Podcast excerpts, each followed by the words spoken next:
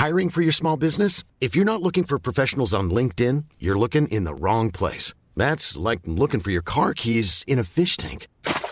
LinkedIn helps you hire professionals you can't find anywhere else, even those who aren't actively searching for a new job but might be open to the perfect role. In a given month, over 70% of LinkedIn users don't even visit other leading job sites. So start looking in the right place. With LinkedIn, you can hire professionals like a professional. Post your free job on linkedin.com slash people today. It's that time of the year. Your vacation is coming up. You can already hear the beach waves, feel the warm breeze, relax, and think about work. You really, really want it all to work out while you're away. Monday.com gives you and the team that peace of mind. When all work is on one platform and everyone's in sync, things just flow wherever you are. Tap the banner to go to Monday.com. Burrow's furniture is built for the way you live. From ensuring easy assembly and disassembly to honoring highly requested new colors for their award winning seating, they always have their customers in mind. Their modular seating is made out of durable materials to last and grow with you. And with Burrow, you always get fast, free shipping. Get up to 60% off during Burrow's Memorial Day sale at burrow.com slash ACAST. That's burrow.com slash ACAST. burrow.com slash ACAST. Dette er en podkast fra Liverpool supporterklubb. Etter en oppvisning i angrepsfotball mot Westham i ligaåpningen, var det de bakre rekkenes tur til å stjele overskriftene på mandag. Er nå Dr. Jekyll og Mr. Hyde-komplekset til Liverpool endelig løst? Har vi nå en solid stamme fra bakerst til fremst på banen? For å diskutere dette og mye annet har jeg, Arve Vassbotten, igjen med meg supporterklubbens daglige leder Tore Hansen samt journalist Einar Kvande. For de som ikke kjenner deg fra annet enn spaltene på liverpool.no og The Cop-Out, Einar, så er jo du også groundhopper og har vært på samtlige arenaer i England. Eh, for å sette mandagens seier litt i sammenheng, eh, hvorfor er Sellers Park en så fryktet bortearena? Tja, si det. Eh, det er kanskje to hovedårsaker til det, sånn som jeg ser det. Først er det banens beskaffenhet, og så er det publikum. Når det gjelder selve arenaen, så er det jo en veldig tett og intim arena. Eh, gammel stadion, helt i tråd med sånn som jeg vil ha banene i England. Mm. Eh, liker ikke de nye murklossene. Her er jo en eh, Sellers Park er jo en bane med sjel, virkelig sjel. Så eh, at publikum kommer så tett på banen, er helt klart en faktor her. Eh, I tillegg så har kanskje ikke Pellas så mye turister blant publikum som topp seks-laget har. Og det vil bidra til et, eh, et høyere lydnivå sånn på en ja, når topplagene ikke kommer på besøk, så vil du likevel få, få et høyt lydnivå på en standardkamp, liksom. Så jeg tror, tror, det er de to faktorene som gjør at Sellers Park er så bra som det er. Hvor høyt oppe på lista di over liksom vanskelige bortearenaer i Premier League er dette her, egentlig? Eh, de siste åra så har det kanskje vært helt der oppe på topp. Eh, for 15-20 år siden har det kanskje St. James' Park og Newcastle på topp, men eh, de siste fem-sju åra så syns jeg Sellers Park har vært veldig bra. Nå var det kanskje ikke så bra fra hjemmefansen på, på mandagen, og det er det jo en helt spesiell årsak til. Ja, hva er det? Det er en gruppe som kaller seg for Holmsdale Fanatics, som uh, har holdt har tilhold i det ene hjørnet på Holmsdale Road Stand, da, som er den ene kortsida bak mål. Og de har hatt ønske om å Det er en slags syngeseksjon, da. Uh, og de har hatt ønske om å bli flytta sentralt bak mål, da, for å skape mer liv og røre. Og der har hatt diskusjoner med klubben på i hele fjor. da, og Klubben da gikk ut, da ut til sine sesongkortholdere og spor om de var villige til å flytte seg, sånn at Holmsdale Fanatics fikk flytte flytte sentralt bak mål, og det gikk ikke sesongkortholderne med på. Og da ble jo den gjengen her sur, og boikotta nærmest mandagskamp på Liverpool, da. Eh, de var på kampen, men de satt spredd rundt hele stadion, og, og da merka du godt at det var Liverpool-fansen som dominerte eh, på, på Sellers Park på mandag. Du hørte Vanligvis så hører du hjemmefansen ganske godt der, men uh, på mandagskvelden så var det Liverpool-fansen som overdøde dem fullstendig. Uh, Liverpool-fansen har jo den ene langsida, eller halvparten av den ene langsida, sitter for Arthur Waite Stand. En uh, tribune som er bygd på slutten av 60-tallet. Altså, det er jo en gammel tribunedel. Selve Sellers Park var, var, jo den originale stadion, var bygd i 1924. Det er en stadion som er designa av eh, en arkitekt som heter Archibald Leach. Uh, han designa mange av de gamle, tradisjonsrike stadionene, som de fleste har jo revet nå, da. Men uh, mange av de britiske stadionene var det han som designa. Og han hadde jo tydeligvis noe for seg, men fikk jo intime stadioner som du har skapt et høyt lydnivå på. Ja, nettopp. Uh, Tore, uh, du har jo også vært og reist litt uh, rundt i England gjennom årene. Hva, hva, tenker du om Sellers Park som bortearena? Jo, jeg følger Einar på det han sier om spesielt om hjemmepublikum. og Banen ligger jo litt sånn som Anfield gjør, eller gjorde, med veldig midt i et sånt klassisk arbeiderstrøk. husrekkene tett inntil stadion bra trøkk. Eh, bare en sånn kuriositet, Einar. Banen ligger vel nesten i en bakke, gjør den ikke det? Ja, det stemmer. Det er Arthur Waite Stand, som eh, er da der Liverpool-fansen holder hus, den ligger jo i en naturlig bakke. Så der ligger jo betongen rett ned på bakken omtrent. Men jeg er helt enig. Eh, på, eh, på mandag så hørte du jo lange lange perioder bare Liverpool. Og Av og til så kan du bli litt lurt pga. mikrofonplassering, men jeg tenkte faktisk over det som som en ting at uh, her, her, er ikke Palace-fansen up for it, men det var jo interessant å høre det du hadde å si om uh, Holmstein uh, Fanatics, og at det er gått i oppløsning. Ja, gått i oppløsning har de ikke, de kommer vel tilbake, tenker jeg, men de får jo ikke ønsket sitt om den sentrale plasseringa gjennomført, tydeligvis. så det, det, vil jo kanskje være en liten feide der ei stund. Ja, nettopp. Eh, ellers har jeg personlig minne fra den stadion, og det var den berømte kampen våren i 2014. Da det endte som det endte. Det er ikke sikkert at det var det avgjørende i forhold til ligamesterskapet uansett, men eh, når jeg gikk ut fra Selvås Park den kvelden etter 3-3-kampen så så voksne menn som gråt.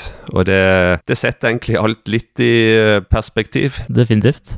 Eh, men til tross for en av de tøffeste bortekampene i sesongen, da, så tok jo Liverpool med seg tre poeng. Eh, hva mener du var hovedårsaken til at det gikk veien denne gangen, Tore? Skal du se stort på det. Det var jo mye, mange faser i denne kampen. da. Mye som skjedde egentlig. To forskjellige omganger. Men vi slapp ikke inn mål. Vi holdt imot når uh, Palace gikk ut for å jage utligning.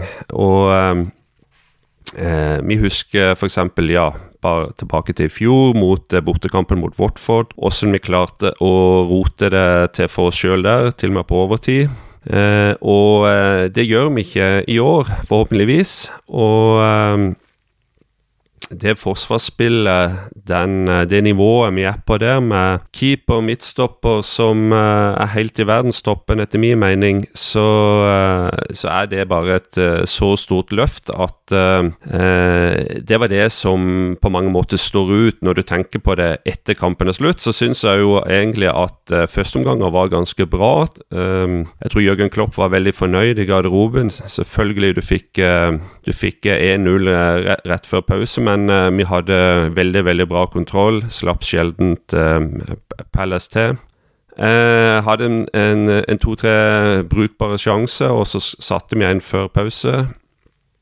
Kanskje ikke sånn totalt sett noe veldig, veldig bra omgang, men allikevel, borte på Sellos Park. Jeg tror Jørgen var storfornøyd i, i pausen. Og så datt vi selvfølgelig litt utover i andre omgang, litt sånn naturlig som fotball er. Eh, bortebane, hjemmelaget eh, jager utligning, men det, det, er jo òg en, en, kollektiv eh, prestasjon her, syns jeg.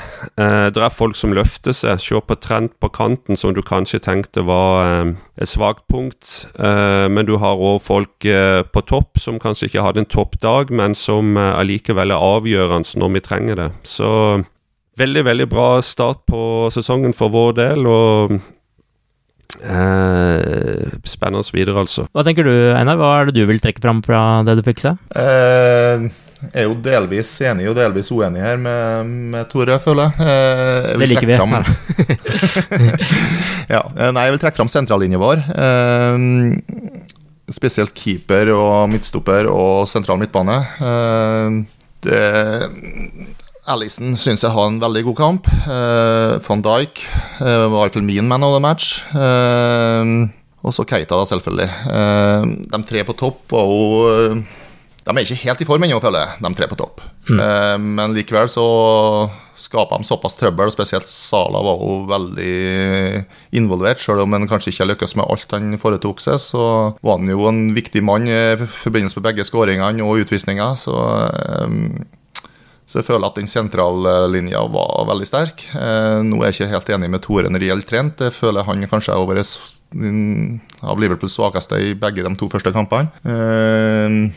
Du kan jo også si at kanskje Firmino var ikke helt uh, der han pleier å være, men likevel, Firmino jobber jo knallhardt og gjør manns jobb, så selv om han ikke har en kjempedag, så er han en viktig spiller for oss. Uh, men det, er spesielt de, de bakerst der i Alison og van Dijk da, som jeg følte var de to, våre to beste i kampen.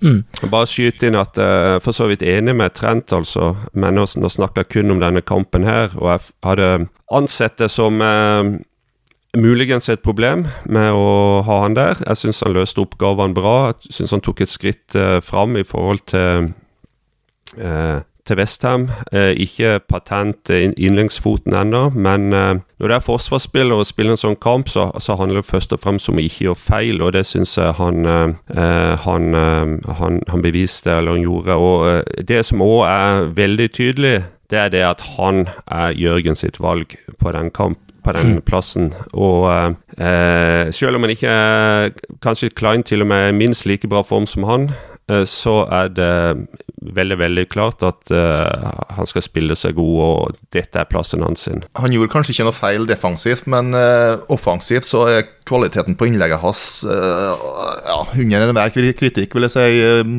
spesielt mot Westham, men òg mot Palace og han innlegg som gikk bak mål, og som egentlig er enkle innlegg å slå. Så det er jeg ikke helt happy med. Men Hva tenker du, Einar? Ville du heller sett Klein i noen kamper, eller syns du det er riktig at Trent fortsetter Nei, jeg, jeg har ikke villet bytte, for uh, husk på det er en uh, tenåring vi snakker om her. Du kan ikke begynne å ta han av banen for at han slår uh, en par innlegg bak mål, altså, for da vil det jo gjøre noe med sjøltilliten hans. Så, så må man bare la den få spille seg i form, tror jeg. Mm. Apropos sjøltillit, dette er jo kanskje første kampen der vi har sett Alison bli satt ordentlig på prøve. Hva tenker dere om det vi fikk se av han i, i denne kampen? Nei, han leverer jo Han gjør jo akkurat det du håper han skal gjøre. Og det er det som er så deilig når du har brukt en del penger på, på toppspillere, så kommer de inn, og så leverer de. Eh, de gjør akkurat det som står på baksida av boksen. Og um, i pauser så tenkte jeg faktisk det, når vi setter den i tre omganger, men vi egentlig ikke sett den gjøre en eneste redning, mm. eh, så gikk det ikke mange minuttene ut i andre omgang før eh, han hadde gjort både to og tre bra redninger. Og eh, det, det, er akkurat det du trenger. Og spesielt så, så er det jo òg det, da Du kan nesten ense, du kan nesten se det på de som står rundt han. Altså, det oser trygghet, det oser selvsikkerhet. Det er liksom en tilstedeværelse som ikke vi har sett på, på mange mange år på den plassen der. Og så kan hun begynne å snakke om utspill og utkast og presisjon, eh, igangsetting og angrep. Altså det, det, er mye her som er, kommer til å bli uh, utrolig bra utover sesongen. Ja, for det er jo et annet moment. Altså, vi ser jo Når man starter spillet, så er det jo knapt en feilpasning der uh, også. Det var vel uh, to eller noe sånt som, av noen langpasninger som ikke gikk dit det skulle. hva syns du om alle sånn, Einar, av det du har sett til nå? Jeg har faktisk sett en del folk på sosiale medier som syns han har fått i overkant mye skryt. Ehm, det er jeg vel ikke enig i. Argumentet var at de redningene han gjorde, eh, egentlig ikke var så fryktelig vanskelig. Ehm, de var kanskje ikke det, men eh, jeg tipper at vi har, kommet til å oppleve at Karius eller Mignolet har, har, gitt retur på en par av skuddene som, eh, som Ellison tok i fast grep.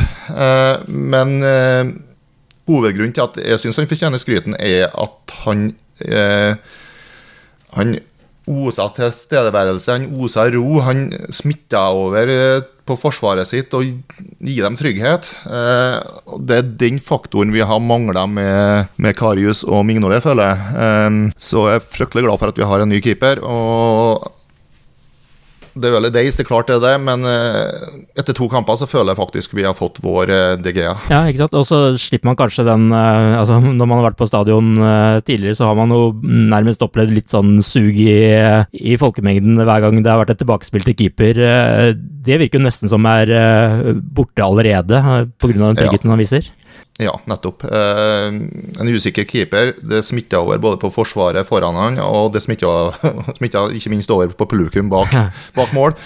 Så eh, at vi har en der nå som eh, virker veldig trygg og rolig, det, det tror jeg vi ikke skal undervurdere. Det kan fort gi oss 10-15 poeng ekstra denne sesongen her. Mm. Eh, nå virker det som at Karius kanskje kan forsvinne på, på utlån. Eh, hva vet du om den saken, Einar? Du vel, har vel jobba litt denne uka her og er inne i Ja. det? Nei, jeg vet jo egentlig ikke så mye, mye mer enn det jeg har skrevet på Liverpool ennå, men eh, nå var det jo sagt at eh, han eh, antageligvis skulle reise til, til eh, Tyrkia etter kampen i, i London, på Sellers Park. Eh, men det skjedde i alle fall ikke, for eh, det var treningsbilde i, fra Melwood i går ettermiddag, der eh, Karius var avbilda, og det har vært merkelig stilt om den der eh, overgangen etter kampen på Sellers Park, så jeg er litt usikker på hva som skjer nå.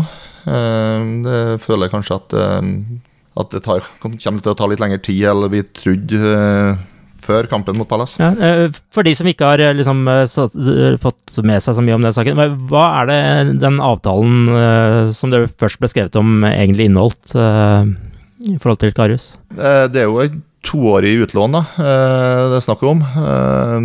Der Liverpool får eh, 2,25 millioner pund for utlånet. Og det er en avtale som er sånn at det er som Besiktas eh, kommer til eh, kvalifisere seg for Europa, eh, i tillegg til at eh, Karius spiller et, fast, et visst antall kamper for dem. Hvis det skjer, så forplikter Besiktas til å kjøpe Karius for 7,25 millioner pund, i tillegg til M2,25. Så det blir 9,5 millioner pund for han. Hvis han blir sendt tilbake til Liverpool, så skal han skrive under en ny ettårskontrakt med opsjon på et år til. Ja. Eh, så det er en litt eh, sånn merkelig avtale, egentlig. Du, Jeg avbrøt deg her, eh, Tore. Du skulle til å si noe? Ja, jeg skulle bare kommentere egentlig det som Einar nå sa. Ja. At jeg har aldri egentlig hørt om en toårig låneavtale før, og da tenker jeg at dette Vi har, er vi har vel det med, med han med Javier Manquillo inn.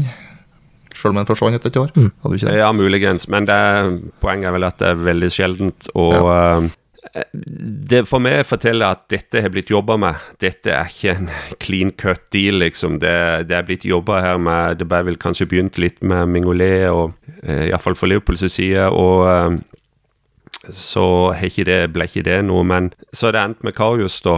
Og når du ser liksom hvordan den avtalen da skal være satt opp, så er det jo tydelig at eh, jeg- Klopp har resignert litt i forhold til å, å jobbe han god. Jeg vet ikke hva dere tenker. Ja, ja men det, samtidig så var det jo Mignolet han ønska å bli kvitt. Uh, han var jo til salg for uh, 12 milliarder pund, var ikke det? Eh, og så var det ingen klubber som eh, tok en. Napoli var vel inne i bildet.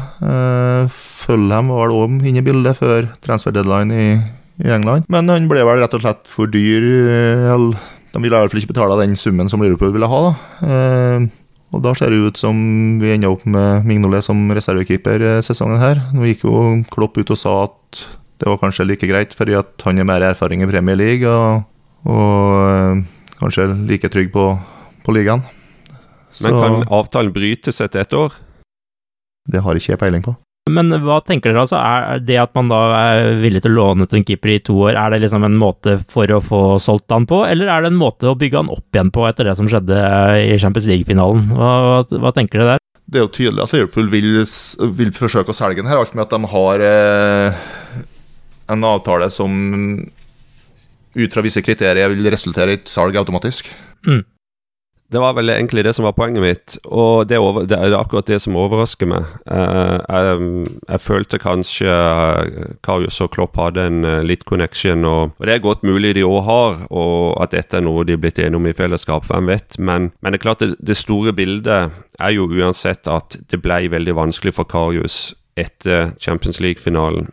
Eh, du kan på en måte gjøre alt du vil og ha masse meninger rundt det, men hver gang han gjør en tabbe, hver gang han gjør eh, et eller annet som du kan stille spørsmål med, så vil Champions League Kiev-finalen komme opp igjen hele tida. Og i en storklubb som Liverpool, vi har sett uh, mange mange spillere Liverpool, keep, keepere Liverpool har henta inn, og det å stå i mål for Liverpool FC, det er en egen øvelse. Og um, Kanskje en ikke up for it.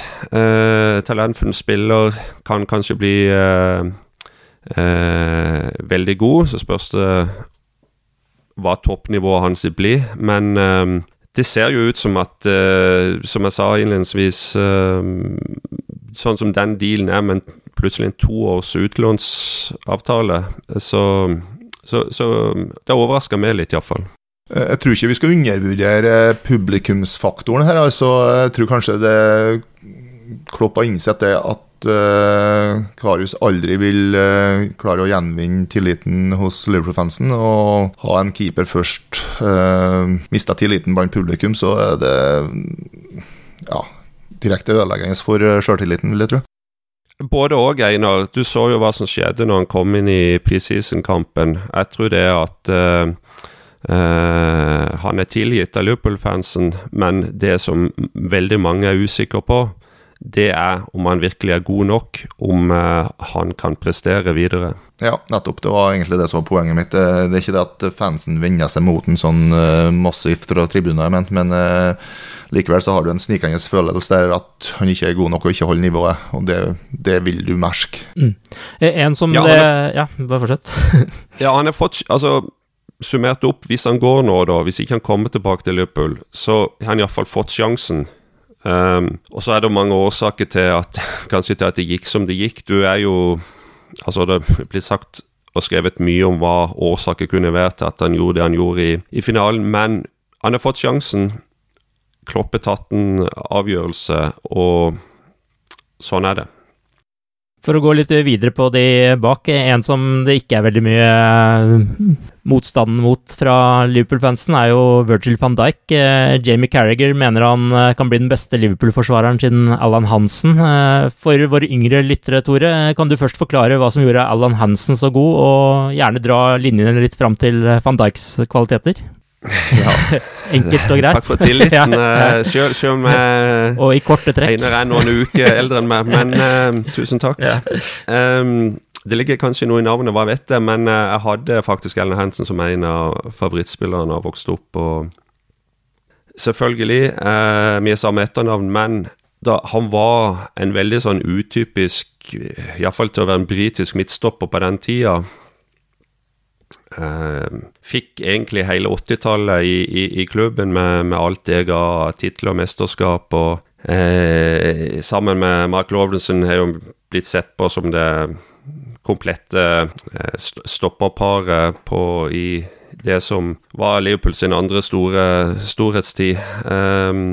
spiller Altså er mange kvaliteter, men det jeg tenker først og fremst på Ellen Hansen, det er, det er som leder og vinnertype. Og han var jo god kompis med Kenny Delglish er fortsatt god kompis med han. Sunes, eh, de hadde en, en klan der, og det, hvis du tenker etter, så er det altså midtstopper, midtbane, eh, spiss, ikke sant? Og der, der snakker du eh, sentrallinje. Og de kunne kjefte og smelle på hverandre både under kamp og i pauser, og hvis en gjorde en feil eller et eller annet som en annet ikke, eh, ikke, likte, så var det nesten krig i garderoben. Men de var bestekompis utenfor, og, og det Da var noe der som var unikt, eh, både med, med, Liverpool som lag på den tida, men de typene der og Ellen Hansen var en av de som sto fram, og som var en leder. Han var jo kaptein etter hvert. Eh, det jeg kanskje husker best sjøl, eh, det er liksom de lange løpene bakfra, det var veldig utypisk uh, engelsk fotball. Mm. Uh, dype, kom dypt fra og gikk uh, kunne gå 20-30 meter. og Han avslutta av og til sjøl, men ofte så uh, så spilte han en, en bra pasning videre. Uh, den andre tingen som jeg husker han som uh, ga meg nesten litt sånn mareritt, det var det at han han skulle alltid spille ballen ut, ikke sant. Han, han var god i beina og skulle spille ballen ut. Du, han klarerte ikke langt, iallfall veldig sjeldent. Um, og det Men han, han, hadde den egenskapen. Han fant rom, han fant space, og, og klarte som regel å finne en god løsning òg. Mm. Som eh, Hvis du skal vurdere han sånn eh, fotballmessig, så var han vel eh, altså god i beina, bra, bra teknisk til å være en til å være en, en midtstopper. Men var vel ikke av de raskeste, men var vel litt sånn som Jamie Kerger sjøl, veldig bra til å lese spillet. Så en, en, en veldig bra spiller for Liverpool. Det, det var han absolutt. Top notch. Og van hva, hva slags uh, likheter ser du med han og Hansen, og eventuelt Hey, I'm Ryan Reynolds. Recently, I asked Mint Mobile's legal team if big wireless companies are allowed to raise prices due to inflation. They said yes. And then when I asked if raising prices technically violates those onerous two-year contracts, they said, "What the f*** are you talking about? You insane Hollywood ass." So to recap, we're cutting the price of Mint Unlimited from $30 a month to just $15 a month. Give it a try at mintmobile.com slash switch. $45 up front for three months plus taxes and fees. Promo for new customers for limited time. Unlimited more than 40 gigabytes per month. Slows. Full terms at mintmobile.com. Millions of people have lost weight with personalized plans from Noom. Like Evan, who can't stand salads and still lost 50 pounds. Salads generally for most people are the easy button, right? For me, that wasn't an option. I never really was a salad guy. That's just not who I am. But Noom worked for me. Get your personalized plan today at Noom.com. Real Noom user compensated to provide their story.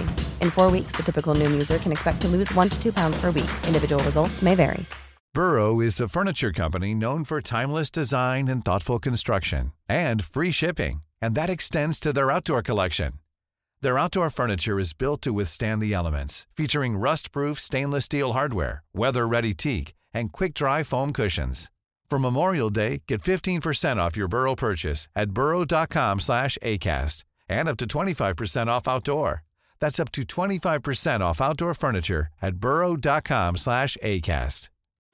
Since 2013, Bombas has donated over 100 million socks, underwear, and T-shirts to those facing homelessness if we counted those on air, this ad would last over 1,157 days. But if we counted the time it takes to make a donation possible, it would take just a few clicks. Because every time you make a purchase, Bombas donates an item to someone who needs it. Go to bombas.com slash ACAST and use code ACAST for 20% off your first purchase. That's bombas.com slash ACAST, code ACAST. Hey there, it's Michelle Norris. I'm host of a podcast called Your Mama's Kitchen. When I travel, I'm usually looking for a way to find a taste of home when I'm not at home. And one of the things I love to do when I am at home is entertain. And Airbnb allows me to do that. When I was in California recently, I rented a house that had a great kitchen. And when we were sitting around the table, we're all thinking, we're in someone else's house. Someone could be in all of our homes as well. If you have a home, but you're not always at home, you have an Airbnb. Your home might be worth more than you think. Find out how much at airbnb.com/slash host.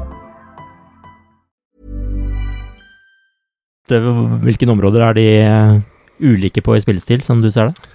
Ja, altså De er jo definitivt eh, klassiske ledertyper, begge to. Og det er jo det du på en måte det er liksom den unike pakken du får med van Dijk. ikke sant? Han er ikke bare en veldig god fotballspiller, men han er, han er en ledertype. Kanskje en fremtidig kaptein, han òg. Mm. Eh, så er nok eh, van Dijk eh, kanskje sterkere i duellspillet enn eh, Ellen Hansen var. Han likte vel aldri eh, gode gamle Hansen å få en sånn klassisk eh, britisk spiss mot seg. Muligens du husker det annerledes senere, men det er iallfall litt sånn jeg tenker på det. Nei, jeg husker det egentlig helt likt. Jeg har faktisk tenkt på det litt. Jeg er fryktelig enig med Carragher i et annet utsagn jeg har om at uh, van Dijk kanskje nå er Premier Leagues beste midtstopper, og mm. absolutt verdt uh, pengene. 75 millioner pund uh, betalte vi for. og det viser seg at det var godt investerte penger. Men jeg er ikke i hele tatt enig med Carragher i at i sammenligning med Erlend Hansen, altså. Eh, jeg vil ha sammenligna med typer som Ron Jets, Emlyn Hughes. Han, han, sier vel egentlig Han sammenligner vel kanskje ikke sånn direkte, han sier vel mer at han blir den beste Liverpool-forsvareren siden Allan Hansen, så ja, okay. ja. er det et utsagn som du tenker han er, treffer nærmere på? Ja, det, det, vil jeg si. Eh, for det er nettopp det Tore var inne på med duellspillet, som er forskjellen på, på van Dijk og Erlend Hansen. Eh, Ellen Hensen var ikke noe sånn luftens baron, men det kan vi si at van Dijk han, eh, han hadde jo benteket fullstendig i, i lomma på, på mandagskvelden. Og du føler deg fryktelig trygg med en sånn eh, midtstoppertype bakerst. Altså. Mm. Vi har også fått inn noen spørsmål fra lyttere på, på, Facebook, det er vi veldig glad for. En som har stilt spørsmål, er Stig Flesland, og han skriver Førsel Van Dijk har vært utrolig god for oss, men rakner laget hvis han blir skadet eller suspendert? Hva tenker dere om det? Ja, hvis jeg skal svare først på det, så Ja, gjør det. Gjerne det. ja, eh, er klart, eh, han vil være en av de spillerne det er viktigst å holde på banen gjennom hele sesongen, det er ikke tvil om. Eh, det kommer jo litt opp an på hva vi har i backup. da. Eh, nå er jo Lovren ute med skade. Eh, Gomez er relativt fersk i posisjon for oss, i alle fall. Han spilte vel litt midtstopper for Salten i sin tid. Men om vi rakna vi har jo ikke sett Matip eh, i form igjen etter skaden. Han ble skada mot nettopp Pallas i fjor vår. Eh, nå var han tilbake på benken òg, nettopp mot Pallas. Eh, så vi vet ikke helt formen til han, så det gjenstår å se, da. Men det, vi har jo gode spillere i backup, men de er litt for skadeutsatt, føler jeg. Matip og, og Lovren. Og delvis Gomez òg. Du da, Tore, hva tenker du om det?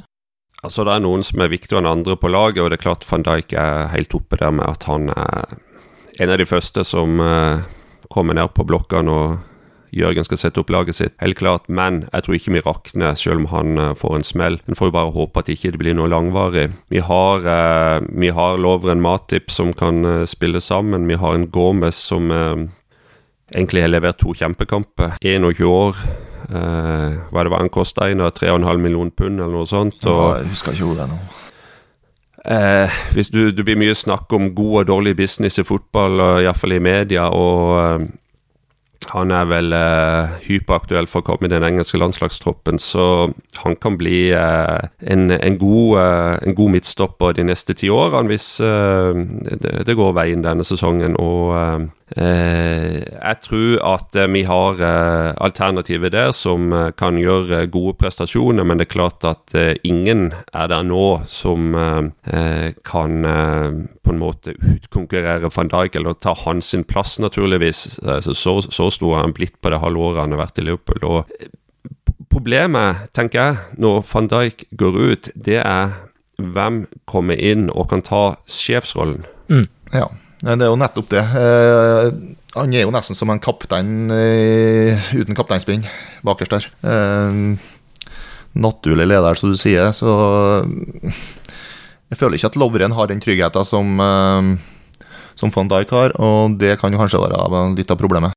Mm. Eh, apropos Lovren og, og, det du også nevnte med eh, skadesagt. Eh, Ruben eh, Iversen eh, skriver på Facebook eh, Han drar fram dette med at det i fjor høst kom fram at Lovren får smertespillende før kamper, og at han igjen nå er skadet. Og, og skriver videre at Lovren er tilbake etter VM og ferie. Noe av det første vi får vite, er at han sliter med helsa, ikke har trent siden VM og ikke er i stand til å spille kamper ennå igjen. Dette må da ledelsen, Klopp inkludert, ha visst siden i juli. Eh, burde vi ikke ha gjort et tiltak denne gangen med å få inn en backup for en stopper som er sårbar, tydeligvis? Og han også går inn på da hva om Virgil van Dijk skulle bli skada nå, som vi jo har diskutert. Men, men er dere enige i at det burde vært eh, henta inn en ny stopper uh, i, i, sommer? Vi har jo snakka om det tidligere her også, men nå etter de første to kampene, og nå som vi vet litt mer om Lovrens skade?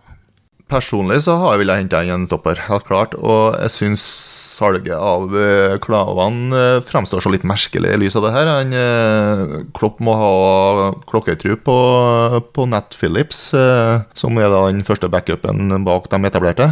Han gjorde det jo bra nok i sommer, men hvordan Phillips vil reagere på å bli kasta inn i Premier League en, en tøff kveldskamp i Leicester eller noe sånt, det, det er jeg usikker på. Jeg er ikke helt på linje der, altså. For uh, vi har egentlig fire veldig bra midtstoppere. Uh, at Klavan uh, da går og skjønner at han vil få svært, svært få kamper denne sesongen, det syns jeg er helt naturlig. Og skal du hente inn da en stopper som på en måte skal eventuelt kompensere for en en loveren som sliter med skade, så, så Hvilken type skulle det være som på en måte vil komme inn og være blant fire-fem stykk som kanskje får en kamp. Jeg, jeg tror det er unnskyld, nesten umulig å, å, gjennomføre i praksis. Mm. Vi får krysse fingrene for at eh, Gomez holder seg skadefri. Han har jo begynt veldig bra, syns jeg. Og eh, nå har han jo spilt seg inn Han var jo aktuell for VM i Russland før han ble skada. Eh, og nå har han jo spilt seg inn i landslagsdiskusjonen igjen. Southgate har vel antyda at han kommer til å bli uttatt i kampene som er, kommer nå tidlig i september. Altså Selvfølgelig, det, det, det er et arbor her, og, og det, men det er liksom hvor mange hensyn skal du ta? Men det er klart at Matip, Lovren og kanskje delvis Gomez, de har skadehistorikk. Det må ikke glemmes. og det det er bekymringsverdig, men ja. Jeg, eh, jeg står egentlig på det jeg sa likevel, ja, altså. Men Det er nettopp derfor jeg sier at jeg syns det er rart vi ikke um, kjøpte eller fikk en erstatter inn da, pga. den skadehistorikken. Det er jo det som er ankepunktet mitt. Vi må jo sette litt fart her, og da må vi jo over til uh, Sala. Uh, midt i første omgangen så tikka det inn en melding på WhatsApp fra deg, Tore, om uh, Sala ikke i form. Uh, det ble riktignok retta raskt til ikke i form, men etter å ha fordøyd hele kampen, mener du fortsatt at han viser tegn på ikke være i form? um jeg er ikke bekymra for uh, Salah, altså. Det, det, er jeg ikke. Men uh, han er ikke on fire.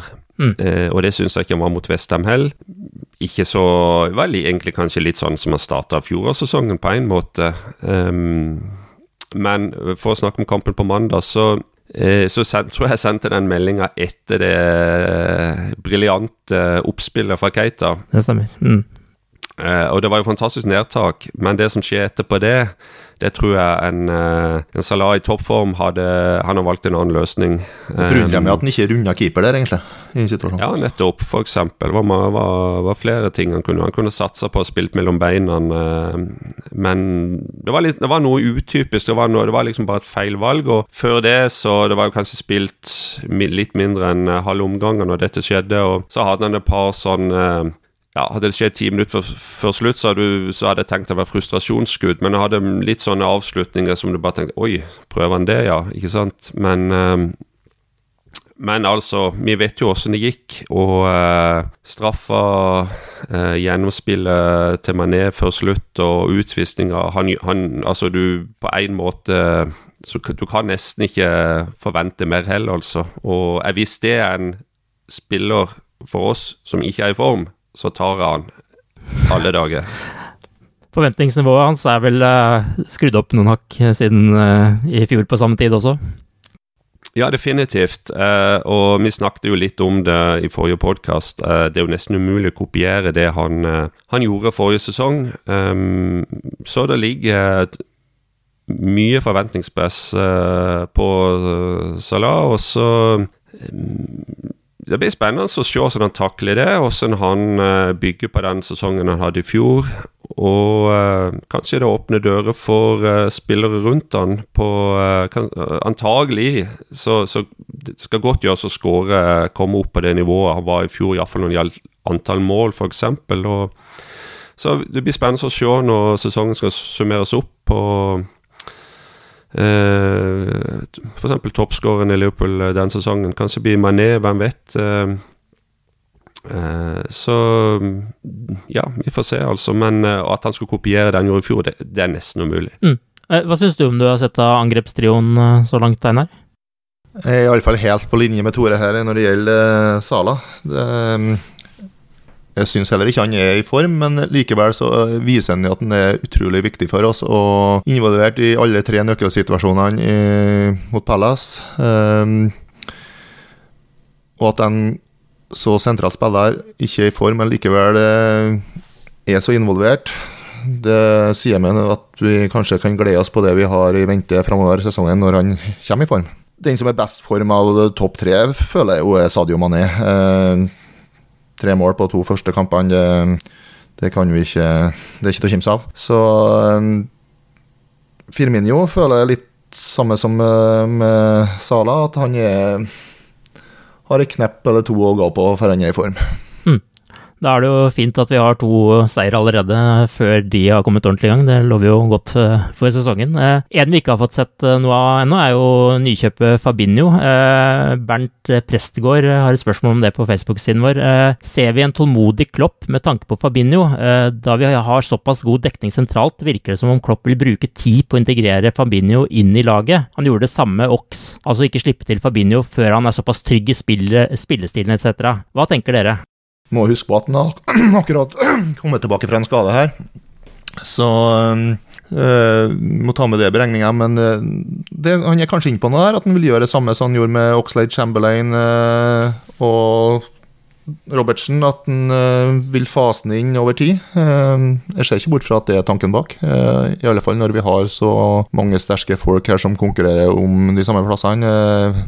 Husk på at Henderson, heller ikke kapteinen vår, har heller ikke starta kamp ennå. Eh, så på midtbanen, sentral midtbane, der føler vi godt forspent, altså. Hva tenker du, Tore?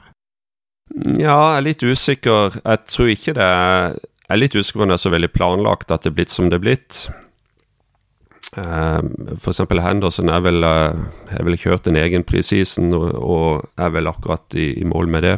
Og at han da starter på benken eh, mens Milner har gjennomført eh, hele alle preseason-kampene, det, det, det, det, tror jeg vil snu seg ganske fort i neste uke, egentlig. Men til, tilbake til Fabinho, så, så jeg, jeg, tenker jo at ja, Vi får se mye til han framover. Eh, men vi har hatt en Vinaldum som har vært i bra form, i bra slag. Eh, og det, det har på en måte ikke vært eh, noe be behov for å, å skynde han inn, iallfall. Mm. Eh, og så har han jo hatt eh, Eh, kanskje fått en liten eh, føling med noe og vært litt sånn eh, rufsete òg. Eh, men har spilt vel alle treningskampene i sommer, sånn at eh, jeg tror han egentlig var pensla inn til å være tilgjengelig og klar fra, fra sesongstart, men så har det egentlig vært mer tilfeldigheter som gjør at uh, vi ikke får sett han ennå. Uh, Rune Trellvik uh, lurer på dette. Ble det litt tydeligere mandag at vi fortsatt kunne hatt bruk for Feker eller en lignende type? Kreativ og angripende og uforutsigbar når motstanderen står lavt. har han et poeng her? Tja Hvem skal vi ta ut, da? Eh, hvem vil du erstatte eh, Hvem vil du sette Fekker inn for? Eh, jeg føler jo at Firminio, Mané og Sala gjør oss rimelig uforutsigbare som det er. Så jeg, jeg, føler ikke noe savn eller behov for Fekir i to første kamper, iallfall. Nei.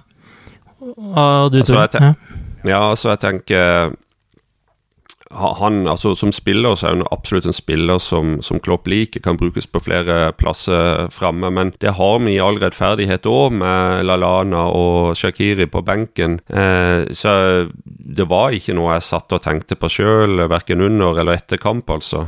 Nei, er det ikke også litt sånn uh, at uh, Nabi Keita bidrar med litt av den uh, uforutsigbarheten og kreativiteten han snakker om her ja, han er en uh, helt utrolig spiller, Keita. Det er jo han har vist de to første kampene, viser jo han tar nivået i Premier League med en gang. Og ja, han Motspilleren får rett og slett, klarer rett og slett ikke komme opp inn. Han er så, beveger seg såpass raskt og er så fotballintelligent at her har vi gjort et kjempekjøp. Bare den pasningen til Salah var vel verdt inngangspengene, omtrent? Absolutt. Altså Den, ta den taklinga òg, eller når han vant uh, duellen, når han vant ballen som han uh, etter hvert uh, spilte gjennom det uh, For 20 år siden så hadde han fått kjeft i garderoben av Ronny Maran for den, det, men det er en helt annen ting. men jeg er helt enig. Han den venstresida der med Robertson og, og, og Keita, det, det, kan bli utrolig bra framover. De kombinasjonene de, de, får til. Samtidig så, så er han jo eh, sin egen mann nå og kan gjøre ting på egen hånd. Han kan spille gjennom, han kan gå gjennom, eh, han kan skåre og, og, bidra egentlig eh, i alle aspekt eh, i, i kampen. Eh, Ruben Iversen har også et annet spørsmål her som går på stallen. Eh, han skriver Har vi dagens stall som er sterk nok til å kjempe i alle fire turneringene? Ingen tvil om at vi er bedre rustet i år enn på lenge, men selv sitter jeg med følelsen av at vi kanskje bare er godt nok rustet for å kunne fokusere på én turnering. Hva tenker dere? Ja øh, Jeg tror nok vi skal klare to turneringer, i hvert fall. Det, det tror jeg nok vi henger med. Men hvor mange lag er det som klarer å henge med i alle fire? Det er jo kanskje bare City som har en sånn stall. Ja, helt enig. Ehm, det er jo ikke noe tvil om at eh, Premier League, Champions League vil ha et slags hovedfokus også i år. Men det er klart, eh, når ligacupen begynner å rulle, eh, bikke nyttår, og en iallfall ser hvem en trekker i FA-cupen, så, så, så vil det jo Du vil jo komme lengst mulig, men det vil jo òg bli bytte av mannskap i de kampene. Og eh, så, sånn er det jo hvert år. Men uh, å, å, kjempe, å kjempe om, om, alt i fire turneringer, det er I praksis så, så er det nesten umulig. Jeg føler jo det har litt betydning hva som skjer fram til transfervinduet for utgående transfer stenger 31.8. Uh, Ojo, Solanke Hvem forsvinner ut? Uh, hvis ingen forsvinner, så har vi jo en bedre sjanse både i ligacupen og FA-cupen. Men uh, det vil jo forbauses meg om vi ikke får en to-tre avganger. Origi, f.eks. Bare fortell deg da, Hvilken spillere er det dere ser for dere vil forsvinne, og hvem er det dere helst skulle sett uh, bli værende? Det er snakk om at Origi er på vei til Dortmund. Uh, Ojo er aktuell for lån for Aston Villa. Uh, men uh, personlig så har jeg jo sånn Med tanke på Liverpool sine prestasjoner utover sesongen, så skulle jeg gjerne beholdt så mange som mulig av dem. Ja, altså det er, det er vel kanskje Origi som peker seg ut. Jeg syns kanskje det er det spilleren som passer minst bra inn i uh, måten laget spiller på akkurat nå. og Det lukter kanskje at han uh, forsvinner. Mm. Neste oppgjør nå er jo mot uh, Brighton, som sikkert er proppfull av sjøltillit etter seieren mot Manchester United. hva forventer dere av det oppgjøret? Ja, nå spiller vi en helt annen type fotball enn Manchester United gjør. Vi er et offensivt underhåndet lag, mens Manchester United er et dødskjedelig defensivt lag. Så jeg tror nok kanskje Jeg håper jeg ikke jinxa det her nå, men jeg tror kanskje at Uniteds fotball passer Brighton bedre enn vår fotball. Mm. Jeg håper at det blir Jeg skal på kampen sjøl på, på lørdag, og jeg håper jeg får se ei offensiv oppvisning som mot Brighton i fjor. Det spørs jo hvordan de går ut, da, ikke sant. hvis vi får så mye rom både på midtbanen og, og bakover som vi fikk mot Westham, så, så vil jeg forundre meg om ikke vi vinner ganske lett. Men du vet jo aldri. Og uh, jeg tror nok at de er, er, flinkere til å tette hull bakover og vil prøve å spille litt mer uh, klassisk eh, disiplinert forsvarsfotball. Så det kan fort bli en stangekamp, men forhåpentligvis så klarer vi å, å lure inn en eller to. Ser dere for dere at det blir noen endringer på laget fram til den kampen, eller? Eh, det gikk vel noen rykte her nå om at uh, Vainaldum og Firminio trente for seg sjøl i går. Uh, så hvis de kjenner på noen småskader, så kan det jo kanskje bli en par endringer der. Kanskje får vi se Henderson fra start, eller til og med Fabinho fra start. Uh, hvis Firminio ikke kan spille, så er jo kanskje Shakiri den naturlige avløser der. personlig så håper jeg selvfølgelig at de to spillerne viser seg å være skadefri når helga kommer, og at vi kan stille uh, uforandra. Sånn som så det har vært de to første kampene nå, så føler jeg at vi har så god glid at uh, vi må bare fortsette med samme laget helt til det begynner å bli mer tett mellom kampene. Mm. Er det never change winning team for deg òg, eller uh, Tore? Eller i dette tilfellet? Ja, jeg tror det, det laget som er satt nå, det vil stå, stå bra i den kampen nå. Samtidig så kan det komme iallfall én, kanskje to forandringer òg. Hvem vet? Fabinho har blitt nevnt. Kaptein Henderson, muligens. Men det som, jeg, det som jeg egentlig eh, tenkte litt på etter mandagens kamp, det er det at nå er det Brighton og så er Leicester borte, så er det pause. Men så begynner jo hardkjøret med hva vi har da? Tottenham, eh, City, Chelsea på, eh, som tre av de fire neste. Husk at så, det kommer Champions League og ligacup inn her òg. Ikke sant? Så eh, det er bare å holde seg fast. Mm, vi får vel ordentlig testa troppen da. Men eh, sånn etter de to første kampene her, altså Liverpool har jo blitt eh, lansert som en tittelkandidat. Eh, kjapt begge to. Hva tenker dere nå etter to kamper? Eh, det har vel kanskje ikke mista det, det stempelet helt ennå?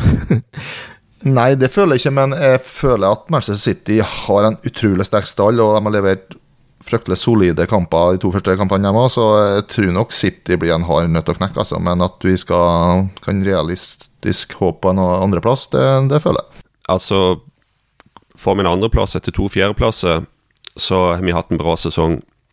Um, City er favoritten. Det er etter min vurdering det beste laget i England for tida. Vi har hatt uh, Vi er blitt litt sånn uh, Kanskje feil å si hausa opp, men vi er blitt det laget som alle uh, mener skal utfordre de, og kanskje til og med kan vinne ligagullet. Og ja, det kan skje, men vi har bare spilt to kamper. Vi må, vi må, ikke ta Når vi kommer gjennom de kampene som jeg nevnte, der vi har spilt mot City, der vi har spilt mot Tottenham, der vi har spilt mot Chelsea, så kan vi begynne å snakke om det igjen. Men Foreløpig må vi bare nyte det som skjer, og at det, det er gøy å ha en, eh, en, så god stall igjen. Eh, gode enkeltspillere som eh, sammen har løfta oss så høyt som de har gjort. Det er jo nettopp et poeng der med kampene mot de andre topplagene. De blir kanskje enda mer avgjørende i år enn de vi har sett tidligere. Tar vi poeng fra de andre topplagene, så så uh, vil det bidra til at vi henger med oppi der, tror jeg.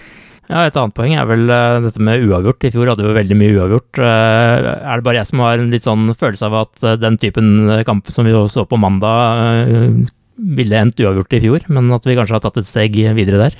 Det er jo bare å minne om seriepremiera i fjor. Det er 3-3 mot Watford. Riktignok ikke offside-mål på overtid, men det er litt så du sier der, at det er fort at sånne kamper har, har endt uavgjort for oss. Ja, helt klart. Og hvis vi ser stort på det, så har vi, så har vi nå et, eh, et veldig solid forsvar med, med ledertype både på keeperplass og i midtforsvaret. Det hadde vi ikke for tolv måneder siden. Vi har folk på topp uh, som går bra sammen, som, som skårer mål. Uh, en av de tre skårer nesten i hver kamp, hvis ikke hver kamp. Og uh, vi har gjort endringer, vi har fått inn folk på midtbanen i tillegg, så vi har gjort alt det rette, føler jeg. Uh, så Hvem vet, altså. Det, uh, det er spennende å være Liverpool-supporter, iallfall. Med det runder vi av den tredje episoden av The Cop-Out-podkasten. Takk til alle som har lyttet til oss så langt. Abonner gjerne på oss i iTunes eller på Spotify, så får du ferske episoder etter hvert som de dukker opp. Og takk for at dere var med, Einar og Tore. Da gjenstår det bare å takke for oss og si på gjenhør seinere. Ha det bra. Ha det bra så lenge.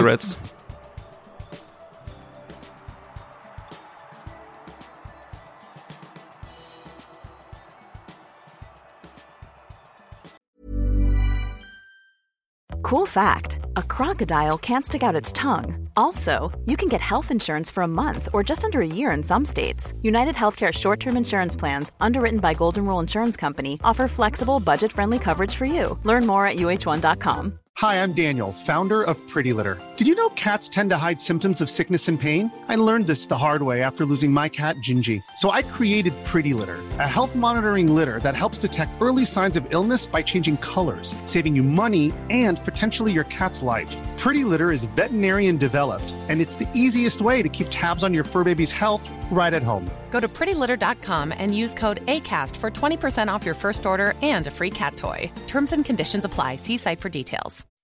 When you make decisions for your company, you look for the no brainers. If you have a lot of mailing to do, stamps.com is the ultimate no brainer. Use the stamps.com mobile app to mail everything you need to keep your business running with up to 89% off USPS and UPS. Make the same no brainer decision as over 1 million other businesses with stamps.com. Use code PROGRAM for a special offer. That's stamps.com code PROGRAM.